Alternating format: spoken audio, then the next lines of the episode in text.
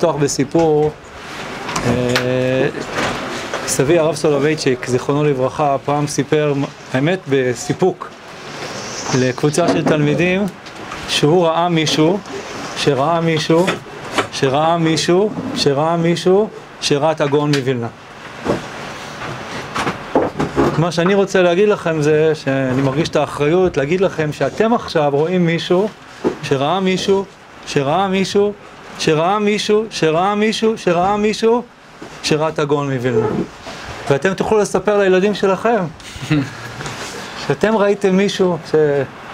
כן, באמת דברים אמורים, בסדר? אני אומר לכם את האמת, אני אה, אה, לא זכיתי להכיר היטב את סבי הרב ז"ל בגלל פער הגילאים וגם המרחק הגיאוגרפי. אני נולדתי בניו יורק, עליתי ארצה כשהייתי בן שבע, אז uh, היה מרחק גיאוגרפי, אז לא היה וואטסאפים וטלפונים כמו עכשיו, כאילו זה לא, לא, לא היה סקייפ, כאילו... כשהייתי בן 14, ההורים שלי התחילו לשלוח אותי לבקר את סבא וללמוד אצלו בקיץ, ככה הייתי מבלה את חופשת הקיץ. נוסע לחו"ל הרבה לפני ה low cost, כן? נוסע לבוסטון, מרגיש שאני במעמד הר סיני, ממש ככה. אה, וככל שהשנים עברו ואני התחלתי להבין יותר, הרב נעשה יותר זקן ויותר חולה וזכיתי ללמוד אצלו שנה אחת, שנה אחרי התיכון, שיעור א' שלי עשיתי בניו יורק אצלו. אה, והאמת היא שבמקומות שאני הסתובבתי בהם אני נחשבתי לזה שלא הכי טוב הכיר אותו. כי אני יכול, פגשתי המוני אנשים שהכירו אותו הרבה יותר טוב ממני. אה, אבל ככל שהזקן שלי מלבין, ואני מגיע למקומות חדשים, אני פתאום מבין שזה מיוחד, אני חושב שאני היחיד בישיבה פה שבכלל ראה אותו, אני לא מדבר על אה, להבין אותו, כן? אז אני מרגיש אה, אחריות להעביר לכם משהו מה, מהחוויה הזאת, לפגוש אה, אדם גדול, לשאוב ממנו, ואני מקווה שמשהו מה, ממה שהוא הצליח להעביר אליי, למרות שאני מקטני תלמידיו, אולי משהו מזה יעבור גם אליכם. עכשיו, אני לא אעשה היום, לא נתחיל מבוא מסודר ל... לא לרב ולא לכתבים שלו, נשאיר את זה לחורף, בסדר? אנחנו אה, נרצה לנצל את התקופה הזאת של אלול, לקרוא יחד באחד מהספרים של הרב, אבל בכל זאת אני אגיד, אני אגיד כמה דברים. כן, אה, היום אם אני אראה לכם ללמוד את כתבי הרב סולובייצ'יק, תלכו למדף, אני חושב שמדף אחד פה לא מכיל אותם. אני צודק? יש פה בישיבה מדף כזה? יש לנו? כן, אתה צריך לדאוג, למלא את הספרייה, אוקיי. היום יש הרבה ספרים, באמת, המונים. אה, אני חושב אבל שכמעט ההיכרות הראשונה של אנשים בארץ עם ההשקפה של, של הרב הייתה אה, דרך הספר על התשובה. כשאני זוכר כשהייתי ילד והלכנו לבית התפוצות, הספר יצא לאור בתשל"ה, והלכנו לבית התפוצות, אה, אז הם שמו צילום של על התשובה על הקיר, זה כאילו, וואו, ככה מכירים אותו, ואני אני, אני קצת רוצה להסביר את העניין, בסדר? בכל זאת כמה מילות הקדמה, כן? לא, מה שמעתם על הרב, תגידו לי. אולי בערב ג' לא רוצה להגיד הרב פה אגרית, בסדר? אני למדתי בישיבה של הרב סולובייצ'יק, לרב קוק היו קוראים הרב ולרב סולובייצ'יק הורב, אז ככה ידענו להבדיל ביניהם, בסדר? אבל אה, אני אחסוך לכם את הבלבול, בסדר? אבל יודעים משהו עליו, כאילו למה אתם באים בכלל לשיעור הזה? כאילו, לא יותר מעניין ללמוד בחברותה? כלום, לא יודעים עליו כלום. זה טוב, יש לי הרבה מה ללמד אתכם, אבל מה? זה מעבר למה שיהיה אחרי, כאילו, ללמד את הספרים שלו, זה לא היכרות ראשונה שלו כן, אז תראו, אה, אה, אה, הגריד היה קודם כל ראש ישיבה, צריכים לדעת את זה. הוא היה, הוא גדל במסורת של וולוז'ין, בית הרב של וולוז'ין, סבו הגדול רב חיים מבריסק, שם שאני מניח שתבינו יותר מה הוא מסמל. מקווה ששמעתם פעם את השם הזה, רב חיים מבריסק נחשב כמי שעיצב אה, דרכי החשיבה התלמודית במאה השנה האחרונות, כלומר דרך הלימוד, אני בפעם אחרת נסביר יותר, זה יעלה תוך כדי הקריאה והלימוד, אל תדאגו, כן?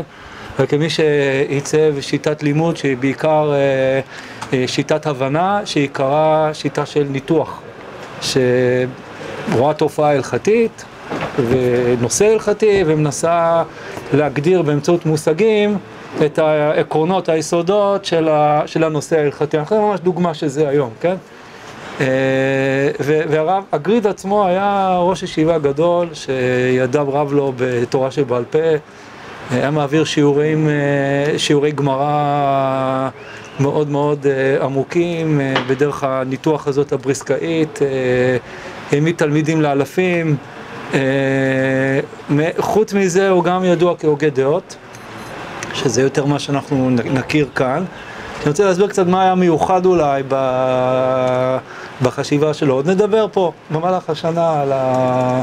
על הרקע הפילוסופי, מאיפה הוא יונק את הרעיונות. אני רוצה לדבר רק על משהו מאוד מאוד ספציפי רק היום, שזה יוביל אותנו גם לעל התשובה. שאלה גדולה ששואלים אותה בפילוסופיה היא, מה הופך פילוסופיה לפילוסופיה יהודית? זה שיהודי אמר את זה? כן, שפינוזה זה פילוסופיה יהודית? והיהודי? טוב, תלוי מתי, כן? אה, כל מה שיהודי אומר, איינשטיין זה פיזיקה יהודית, תגידו לי. איינשטיין היה יהודי?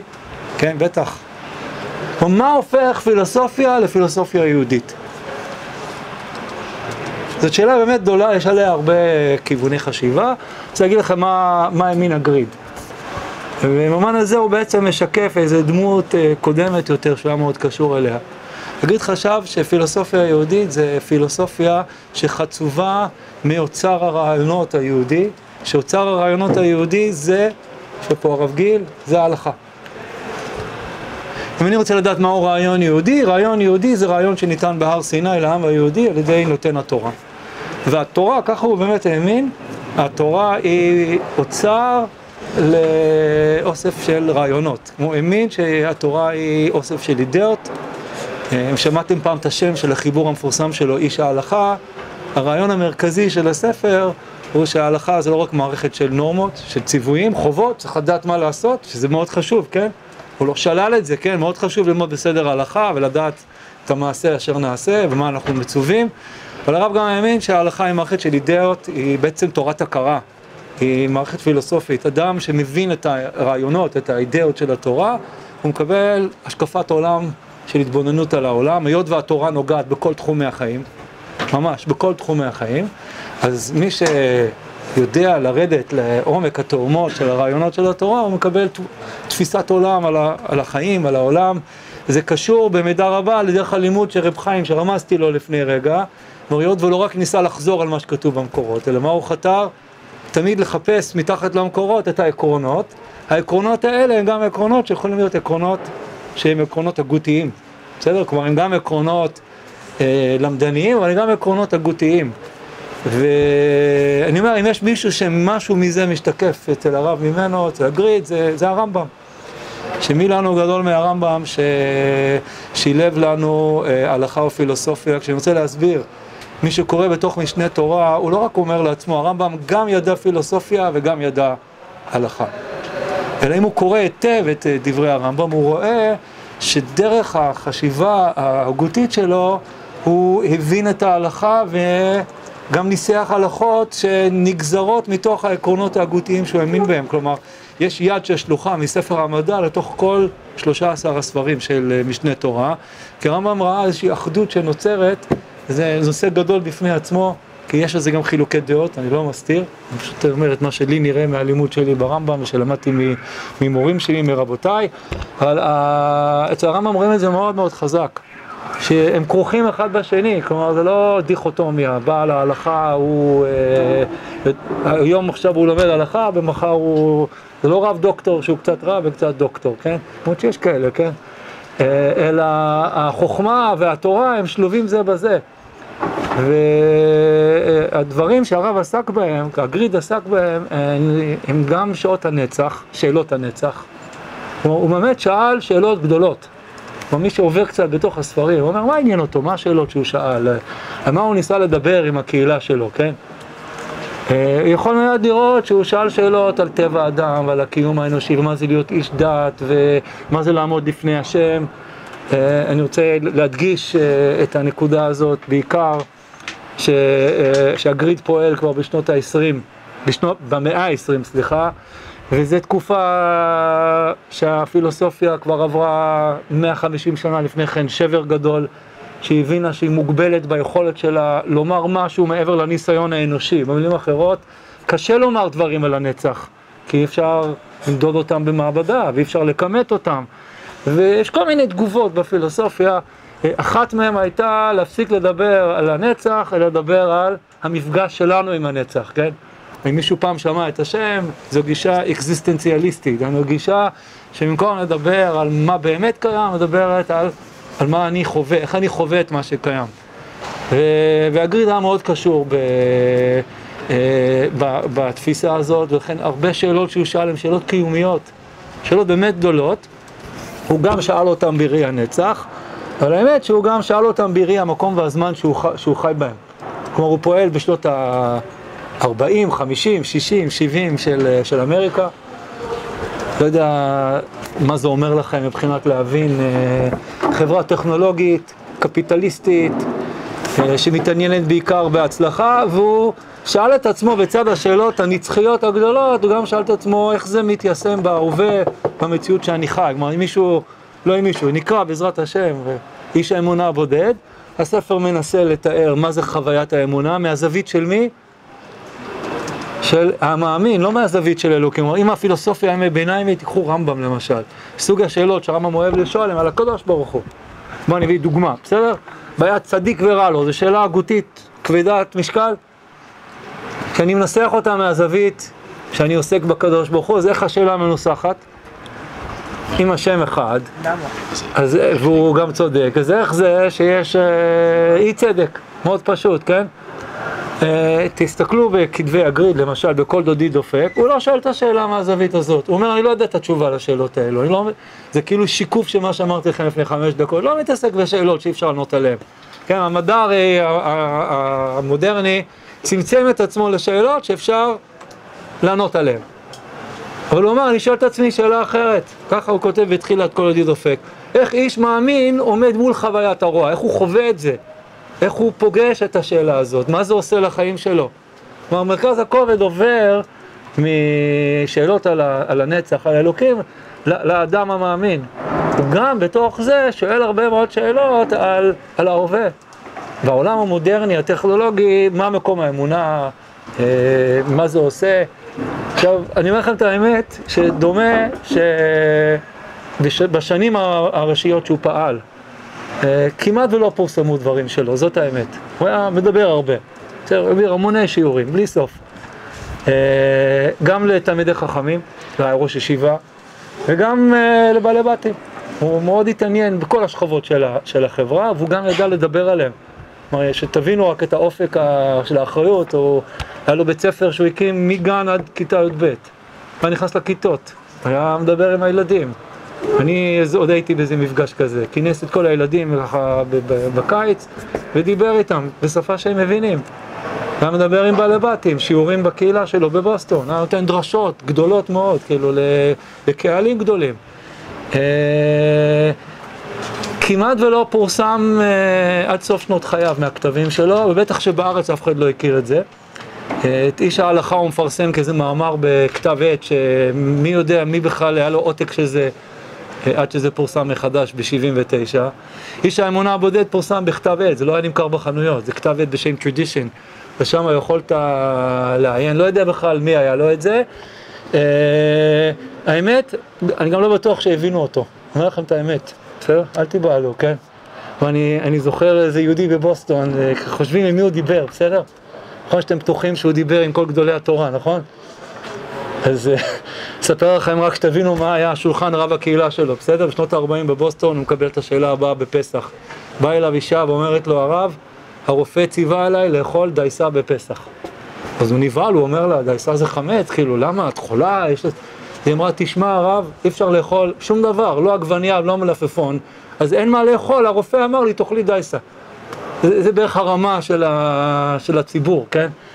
אה, אני זוכר מישהו שהיה מתפלל לידו, הייתי נוסע לבקר אותו, אז הוא היה יושב ככה בינינו, והוא היה יוצא מהשיחות של הרב, ואומר, וואי, איזה שיחות עמוקות, איזה מילים, טרנסצדנטי ואקזיסטנציאליסטי, אבל האמת, אני לא יודע בכלל מה, מה, מה הוא אמר. בכל זאת, אני רוצה להגיד לכם פרדוקס, באמת גדול. הם, אני חוזר לתחילת הדברים, קראו לו כולם הרב. בואו נגיד משהו גם על הרב קוק, למי קוראים הרב? אתם יודעים? למי? יש המון תלמידי חכמים, נכון? מי... אשאל אתכם עוד שאלה. שמעתם על הרב משה פיינשטיין? יש לי שאלה. אתם יודעים איך קראו לו? כל התלמידים שלו? כולם. בתור, איך אתם מכירים את הרב משה פיינשטיין? אה? פוסק, נכון? כמו שפיינשטיין גם היה ראש ישיבה, שתדעו. הייתה לו ישיבה בשם תפארת ירושלים, וכל התלמידים שלו קוראים לו ראש ישיבה. עכשיו אני, באמת, אתה מסתכל על הפרדוקס הזה ואומר, גם הרב סולובייצ'יק עסק בפסיקה, שיהיה ברור לכם. אבל הוא לא נתפס כ... יותר רואים אומרים הרב, חושבים הרב קהילה, על פוסק, כן? היינו דווקא על הרב סולובייצ'יק קוראים הראש ישיבה. זה, זה עיקר מה שתהילתו אצל תלמידיו, באמת. אבל זה מאוד פשוט. כי על הרב קוראים אדם שהוא מעצב דור, שהוא מכונן תודעה. הם בדרך כלל אנשים שחיים בתקופות מעבר, כשהישן כבר לא עובד, או שהישן פוגש מציאות חדשה, ואנשים שואלים שאלות חדשות על הזהות שלהם. וכשבא מישהו שמצליח לתת להם זהות, לתת להם משמעות, או לבנות אותם, אז הוא הופך להיות הרב. בואו נדבר על הרב קוק לכבוד ג' באלול, כן? הרב קוק מגיע לארץ עם העלייה השנייה, זו תקופה מבלבלת מאוד, באמת. מתחילה חזרה לארץ, מרגישים משהו גדול קורה, יש פה איזה קצת, אה, מתחילות רוחות תנכיות לנשב, נכון? אבל מה, מה המציאות? פורקי עול, חילונים, מה עשו רוב תופסי התורה? פרשו מזה. בסדר, בשם רב חיים מבריסק אומרים על בילו, עוד, עוד לפני הציונות, כן? אם היו רק גומרים את הפסוק, בית יעקב, לכו ונלכה, מה המשך הפסוק? יודעים? באור השם, הייתי איתם, אבל חתכו את הפסוק באמצע. עכשיו בא הרב קוק, ובעצם מה, מה הצליח לעשות? בתקופה החדשה הזאת, במציאות החדשה הזאת של ארץ ישראל, של החלוצים, מה הוא הצליח לעשות? לתת משמעות דתית, לבנות קהילה שיודעת להיות שותפה במפעל הציוני, יחד עם זה שהיא ממשיכה להיות נאמנה לתואר. זה מעצב אנשים, גם הרב קוק עסק בשאלות הנצח, כן? אבל מיותר להגיד את זה, העומק של הכתבים שלו, סוג השאלות והמחשבות שעברו לו בראש, הוא כתב עליהם לעצמו וזה התפרסם, כאילו, אבל בעיקר, לא יודע כמה מבינים או הבינו את כל תורת הרב קוק, אבל היה ברור שהוא הרב שלנו. עכשיו, דבר מאוד דומה קורה בארצות הברית, שהמציאות היא אחרת לגמרי. כמעט תראו שהפעולה שלהם כמעט הפוכה. במובנים אה, מסוימים. במציאות של העולם החדש באמריקה, אה, לא יודע אם אתם קצת, קצת שמעתם מה קרה למהגרים מאירופה, יש הגירה אדירה מאירופה לארה"ב, בין 1781 ל-1922. עכשיו האמריקאים אה, שמים מכסות על ההגירה, אבל מהגרים מעל מיליון יהודים מאירופה לארה"ב, מה קורה לרובם? רובם לא שומרים על הזהות היהודית שלהם. רובם עובדים בשבת, מחללי שבת, כמו רק להמחיש לכם, אה, לאמא שלי היה דוד שהיה לו, הצעיר משבעה ילדים, הוא היה היחיד שלא שלחו אותו לעבודה בשבת. אמרו לפחות שהקטן יהיה שומר שבת. עכשיו צריך לזכור שאז, אני מדבר איתכם דברים שאני מכיר אותם. לא, העבודה היה שישה ימים, לא חמישה ימים, ומי שלא עבד בשבת, אף אחד לא רצה להעסיק אותו. כלומר, באמת היה קשה, באמת. כי אני זוכר שהיו מראים לי זקנים בבוסטון, היו מצביעים לי עליהם, ואומרים, אתה רואה את הזקן הזה? הוא, כשהוא הגיע לאמריקה, אז הוא היה הולך לעבודה ביום שני, מתקבל לעבודה, ביום שישי היה אומר לבוס, מחר אני לא בא, אז הוא אומר להם, ביי, אל תבוא גם שבוע אחרי זה, פיטר אותו. ככה פוטר, פוטר, פוטר, בסוף מה, מה, מה הוא עשה? הוא התחיל להיות עצמאי. אז הוא היה קונה ביצים מלולים והוא עובר בית בית, כל מיני מאכערים כאלה, כן? אבל זה לא רק שהיה קשה, באמת היה קשה, שתדעו, זה מסירות נפש, מי שהצליח. אבל זה גם היה נראה לא רלוונטי. כאילו מה, את מי זה מעניין בחברה שמודדת הכל בהצלחה כלכלית, טכנולוגית, את מי זה מעניין הרעיונות האלה, תוכלו לקרוא על זה הרבה בכתבים של הגריד, תראו שהוא מדבר על ה... והוא כאילו לקח על עצמו, אה, לקח על עצמו לחבר, להיות גשר בין העולם הישן לבין העולם, בין העולם החדש. כאילו קיבל על עצמו בחברה החדשה הזאת, המקום הכי בולט שאפשר לקרוא את זה, זה באיש האמונה הבודד. שם ממש, החיבור, כולו מדבר על זה, אז איך אני אביא את בשורת האמונה שהיא לא תואמת את הערכים של החברה שאני חי בתוכה? למה? היא לא מבטיחה לך כלום, היא לא מבטיחה לך לא הצלחה ולא מצ... לא מבטיחה לך אה, דברים שהחברה סוגדת להם. איך אני מביא את זה לחברה הזאת? ובינינו, כמו שאמרתי קודם על הרב קוק, ה- הידיעה שיש דמות, הוא באמת היה גאון יוצא דופן, שתדעו, כאילו, אבל שיש דמות שחובקת זרועות עולם, כאילו, גם השליטה בתורה הייתה מושלמת, שישה סדרים, כאילו, וגם ההתמצאות בחוכמות העולם, במובן הזה היה, היה הבדל בינו לבין הרב קוק, הרב קוק גם הכיר חוכמות מן העולם, הוא לא למד אותם כנראה בצורה מסודרת בלימודים אקדמיים, כן? אגריד היה לו דוקטורט בפילוסופיה, הוא למד מסודר באוניברסיטה, אה, אה, אבל הידיעה שעומד אדם בעצם הכי מודרני אפשר להגיד, דוקטור לפילוסופיה ומסורתי, ושזה מתחבר אצלו איכשהו, בלי להבין אפילו, ככה אני חושב, בלי להבין אפילו מה התשובה, היו הולכים לדרשות שלו והיו, נתאר תכף, היו מוקסמים, כאילו, זה כבר הרגיע אותם, אבל האמת לא חושב שהבינו משהו. אה, עכשיו, הוא היה מאוד מפורסם, אני מדבר כבר שנות החמישים, גם בארץ.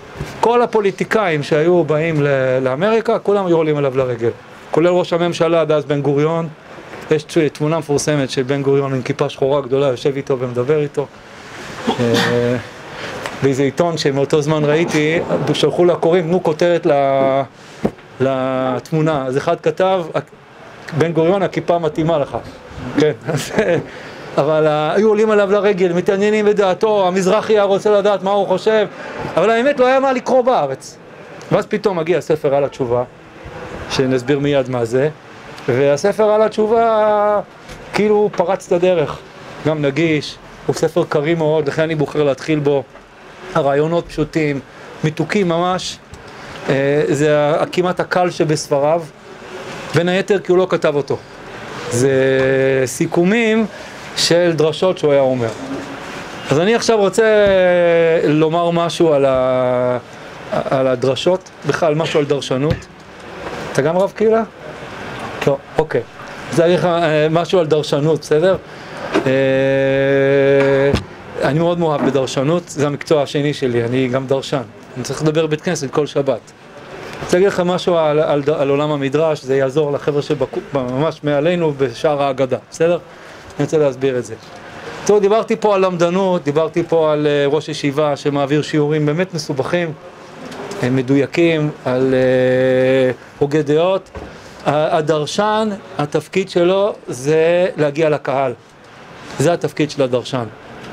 התפקיד שלו זה לקחת uh, מקורות עתיקים, תמיד דרשנים מדברים עם מקורות עתיקים ולהראות לאנשים שזה מדבר עליהם, שזה מדבר על בעיות השעה. עכשיו, בשביל זה יש לדרשן המון כלים, הת, התפקיד של הדרשן הוא בין היתר לקרוא בין השורות, התפקיד של הדרשן הוא לדובב את המקורות, אבל הדרשן הוא אה, נמצא בתחום שעיקר המטרה שלו הוא לא לחדש רעיונות, כמו לתווך את הרעיונות לציבור שלו. הוא צריך להגיע לקהל ולהעביר להם מסרים. אתם רוצים את דוגמה ממש מעולם אחר, הרב עובדיה היה דרשן עממי, ממש. אתם יודעים משהו על הסגנון של הדרשות שלו? הוא מדבר ממש בשפה של האנשים בבית כנסת היזדים בירושלים. כי כשהוא היה שם הוא היה, הוא היה דרשן, ומה הוא רצה? הוא רצה לדבר עליהם, הוא דיבר עליהם בשפה שלהם, כן? Uh, הסגנון של הרב סולובייצ'יק של הדרשות היה כזה שכמו שתיארתי קודם שהפילוסופיה והלמדנות הלכו ביחד, הוא לא אמר, היום אני ראש ישיבה, עכשיו אחרי צהריים אני עכשיו uh, מעביר הרצאה ובערב אני מעביר דרוש. אלא הוא היה חוצב את הרעיונות הדרשניים שלו מתאומות העומק שלו, והוא ניחן באיזה כושר ריטורי וכריזמה, ממש כמו, כמעט, סליחה על מה שאני אומר. אני סך הכל פסול לעדות עליו, אז אפשר להגיד שקשקשתי, בסדר? אבל ממש כמו כוכב רוק. כלומר, שתבינו את ה... הייתם פעם בהופעה טובה? כן? כן או לא? הלכתי לפני כמה שבועות לשלמה ארצי. שמע, יש לו את זה. כוכב. כאילו, ארבעת אלפים אנשים בקהל, והוא סובב אותנו על האצבע. כאילו... הוא, אני מדבר איתכם על דרשות של אלפי אנשים. כלומר, דרשות התשובה, הם נאמרו בשנות ה-60 וה-70, זה היה באולם עם כשלושת אלפים מקומות ישיבה, לא היה כיסא אחד ריק. אה, חשמל באוויר. אם אתם רוצים לראות, לראות, יש דרשת תשובה אחת שצולמה בווידאו בשנות ה-70, הוא כבר לא בשיא כוחו, בסדר? גם שלמה ארצי היום הוא כמעט בן 80, בסדר? אבל גם כשאתה לא בשיא כוחך, רואים, רואים איזה, איזה, איך אתה כובש את הקהל. לא יודע אם שמעתם פעם על שיעורי היורצייט שלו. שיעורי היורצייט שלו, הוא היה אומר ביום הזיכרון לפטירת אבא שלו שיעור גדול. שהיה בדרך כלל שעתיים בהלכה ושעתיים בהגדה רצוף. לפעמים מפסיק ביניהם הפסקה קלה, לפעמים פשוט גולש. אולם עם 1,500 מקומות, לידו בטלוויזיה מעגל סגור, עוד אולמות וכולם מלאים. היו נוערים לזה מכל ארצות הברית. עכשיו, הדרשות האלה היו בשפה שהוא היה שר בה. הוא היה כמו משורר, שפה יידיש. אני אומר לכם, כדאי ללמוד יידיש רק בשביל לשמוע את ההקלטות. זה מוזיקה. כאילו כשהוא מדבר באנגלית, זה היה מוקצע מדי. אבל ביידיש, יידיש היא שפה מתנגנת. שזה נס, למה? כי היידיש היא וריאציה של הגרמנית, וגרמנית, איזה מין שפה זאת, מישהו יודע? זה כמו אלמות מגפיים, זה, זה נורא, זה כמו כזה. אבל היידיש יש לה צליל נורא יפה. והוא היה מתפייט שם, ובדרשות האלה, מה שהוא תמיד היה עושה, אנשים לא היו עוברים חוויה אינטלקטואלית, היו עוברים חוויה רגשית, דהיינו, הם היו יוצאים מהחדר בהרגשה שמשהו עבר עלינו, שהשתננו. אנחנו אנשים אחרים, למה? כי הוא נכנס לנו ללב. שהוא תמיד היה מדבר קצת מעל הרמה של הקהל, ומוריד את היד למטה, ומה עושה? שולח להם סולם, כמו 669, ואומר תעלו אליי. לכן אנשים הרגישו ככה, הוא לא ירד עליהם, הוא העלה אותם עליהם. עכשיו, הספר על התשובה זה ספר שהתחיל בעיתון. היה יהודי בשם פנחס פלי, שהיה לו עיתון בשם פנים אל פנים. עיתון, זה היה שבועון כזה שהיה יוצא, והוא היה נכנס ויוצא קצת בארצות הברית, והוא התחיל מדי שנה לפרסם בעיתון שלו, אחרי הדרשה הזאת שהייתה בסרט ימי תשובה, הוא היה מפרסם אותם ב... בעיתון, ואחרי כמה שנים שהוא כתב כמה מהם, אז יצא מזה ספר, ככה היום נמצאים גם הרבה ספרים, כן? אה, והספר הזה על התשובה הוא בעצם ספר דרשות. דרשות שנאמרו על התשובה. עכשיו, למה הספר הזה כל כך נגיש יותר, ולמה הוא באמת עשה לו כזה שירות טוב? מהסיבה הפשוטה, בדיוק בגלל מה שתיארתי קודם, את אופי הדרשנות. דהיינו, אה, העיסוק של הגריד בתשובה, אני יכול לעקוב אחריה בכתבים שלו משלושים שנות כתיבה. הכתב הראשון שיש לנו ממנו זה מכתב שהוא כותב, שהוא סטודנט בברלין, מכתב שכתוב היום נתפס באותיות רש"י, זה, זה מכתב למדני שהוא שולח לאבא שלו, הרב משה סולובייצ'יק, בנו של רב חיים מבריסק, שבו הוא מתעסק איתו בהסבר איזה רמב"ם בהלכות תשובה. שם מונחים היסודות הראשונים, 15 שנה אחר כך הוא כותב את הספר החיבור הפילוסופי הגדול שלו, איש ההלכה, שצריך קצת ידע פילוסופי כדי להבין אותו. ושם הוא חוזר על הרעיונות תוך כדי שהוא מטבל את זה עם אה, שפה פילוסופית והרעיונות קצת נראים אחרת. הוא חוזר על זה שנה אחר כך בעוד דרשה, אבל כשהוא מגיע לעל התשובה, בעצם מה יש לנו? יש לנו רעיונות שאנחנו נוכל לפגוש אותם מנוסחים בשפה פילוסופית בחיבורים הפילוסופיים, אבל בדרשות, מה הוא עשה לנו? בשפה, רק מדברים ביידיש. לא אומרים שילר, ולא אומרים מקס שלר, ולא אומרים שופנהאואר, זה לא, אלה, הם לא נשמעים טוב ביידיש, כן?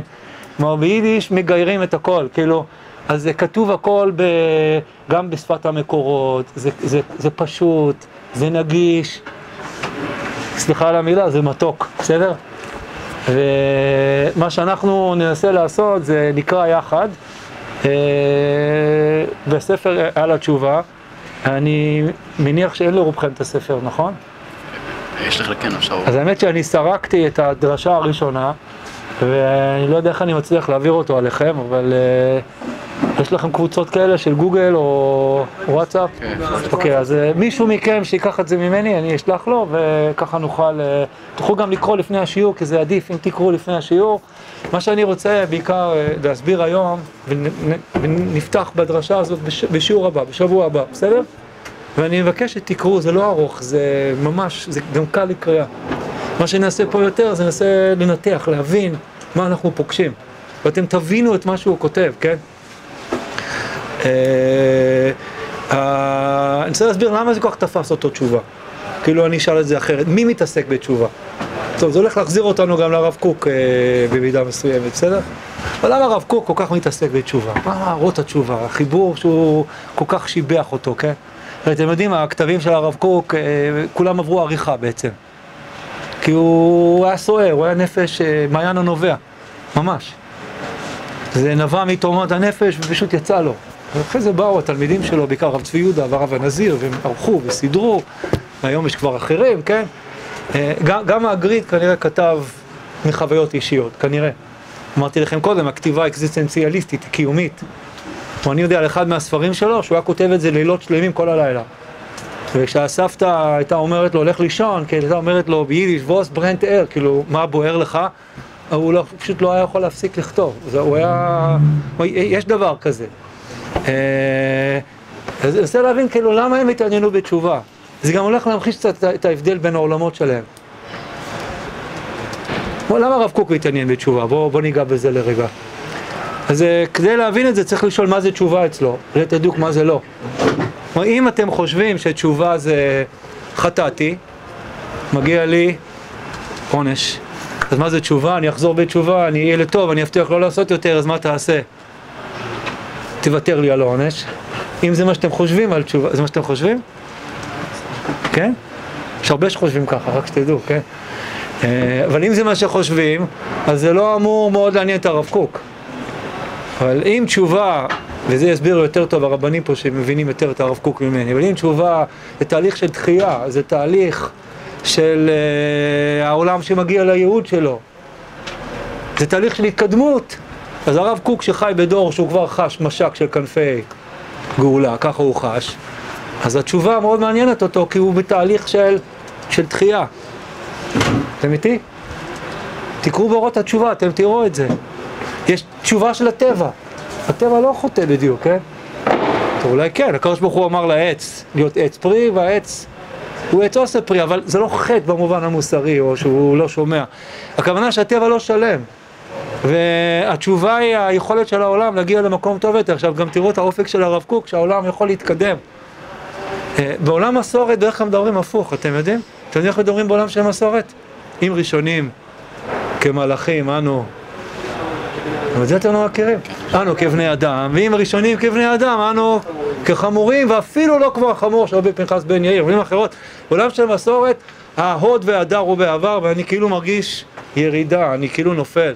טוב, נצטרך לשאול איפה אנחנו בסיפור הזה, כן? אבל uh, הרב קוק באמת יש לו שפה אחרת, שפה של דחייה, שפה של, של התקדמות, שפה שהעולם הולך למקום טוב יותר. Uh, הרב קוק גם, uh, נאמר עוד דבר, שברח לי קודם.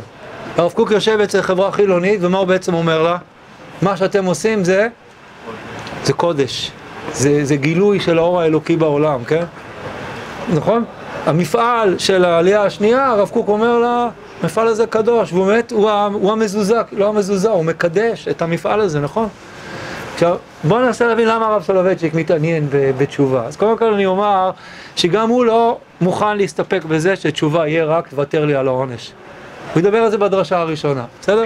על הפסקה הראשונה הוא הולך להגיד זה משהו אחר. בסדר? מה? נקרא ביחד, בסדר? מה שכן אני אומר, שכשהוא מסתכל על החברה שלו, בכלל על העולם, אני אומר שני דברים שייתנו איזה פרופורציה מול הדברים שאמרתי קודם על הרב קוק. קודם כל, הוא מאוד מאוד מסורתי, ואין לו ביקורת על החברה המסורתית, שתדעו את זה. אין לו. אין לו ביקורת על החברה המסורתית. הוא לא מנסה לשנות אותה, הוא האמת מנסה לשמר אותה. זאת האמת.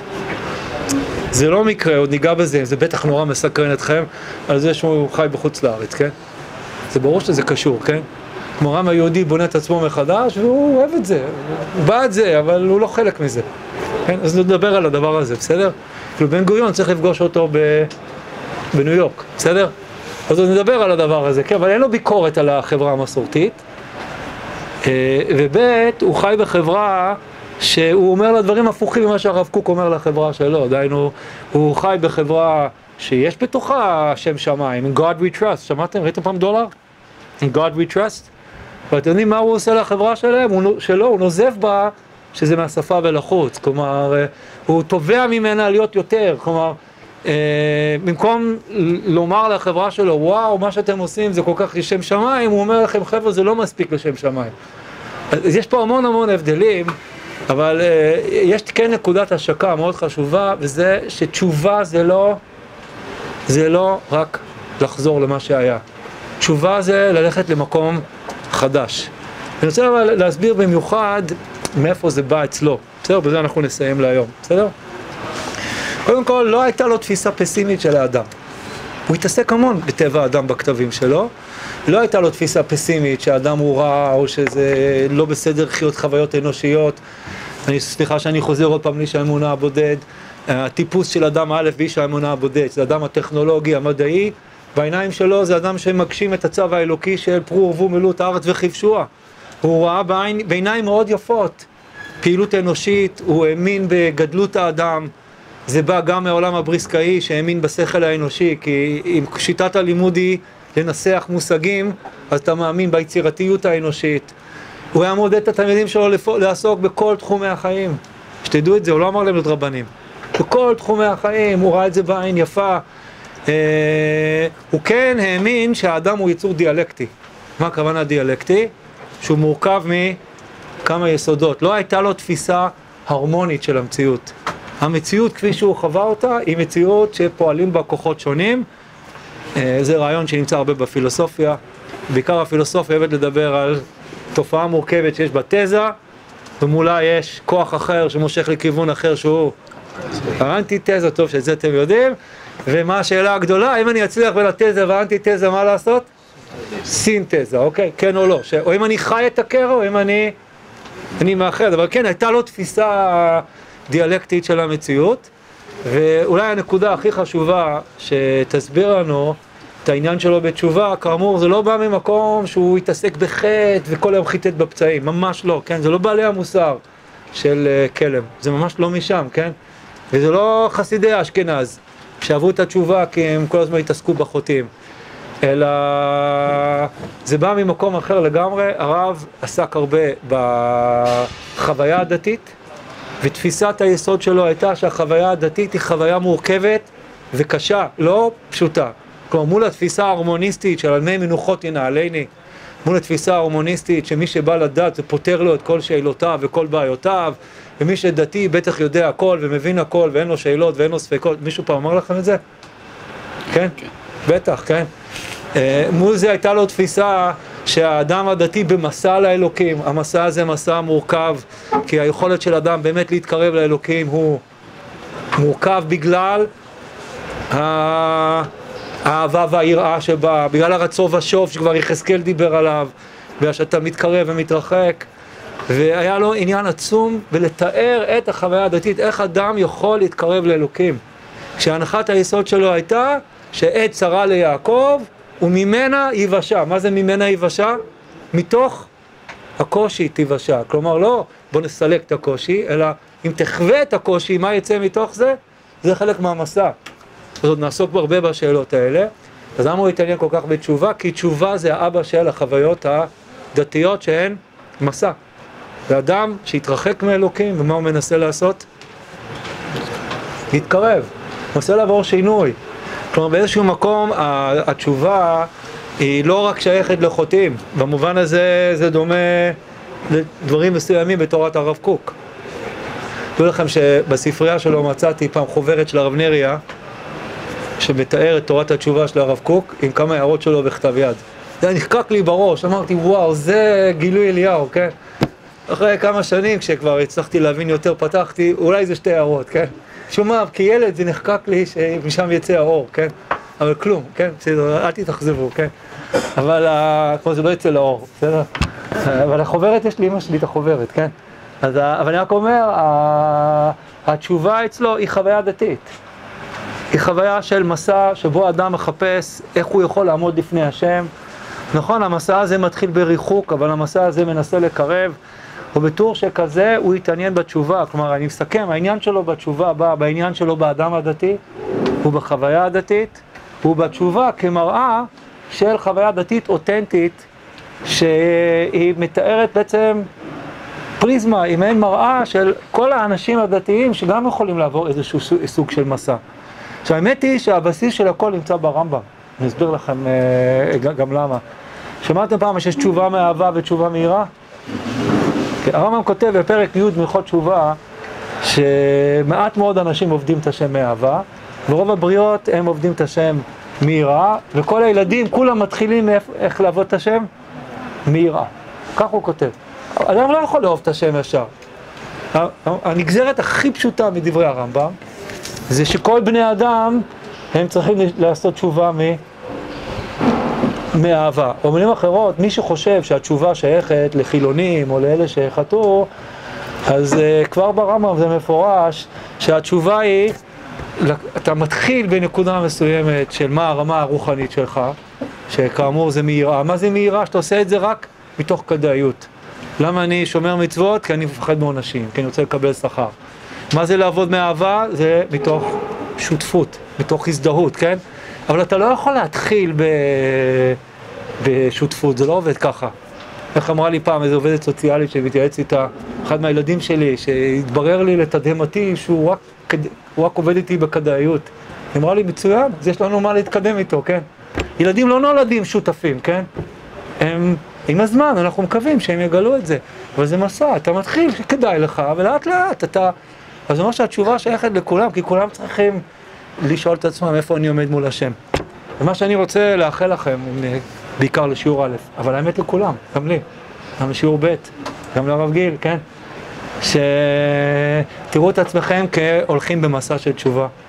לא כי אתם צריכים לחשוב שעד היום חטאתם והייתם לא בסדר, אלא כי אתם באמת, באמת, כל אחד פה יכול להתקדם יותר ממה שהוא כבר נמצא היום, כי אפשר להתקדם עוד. שנזכה באמת לחודש אלול ולשנה של התקדמות ושל תשובה. אוקיי, אז תודה. אז בש, בשבוע הבא, אני אומר, אני אעביר דרך מישהו פה את הדרשה הראשונה, בבקשה תקראו אותה. בסדר? תודה.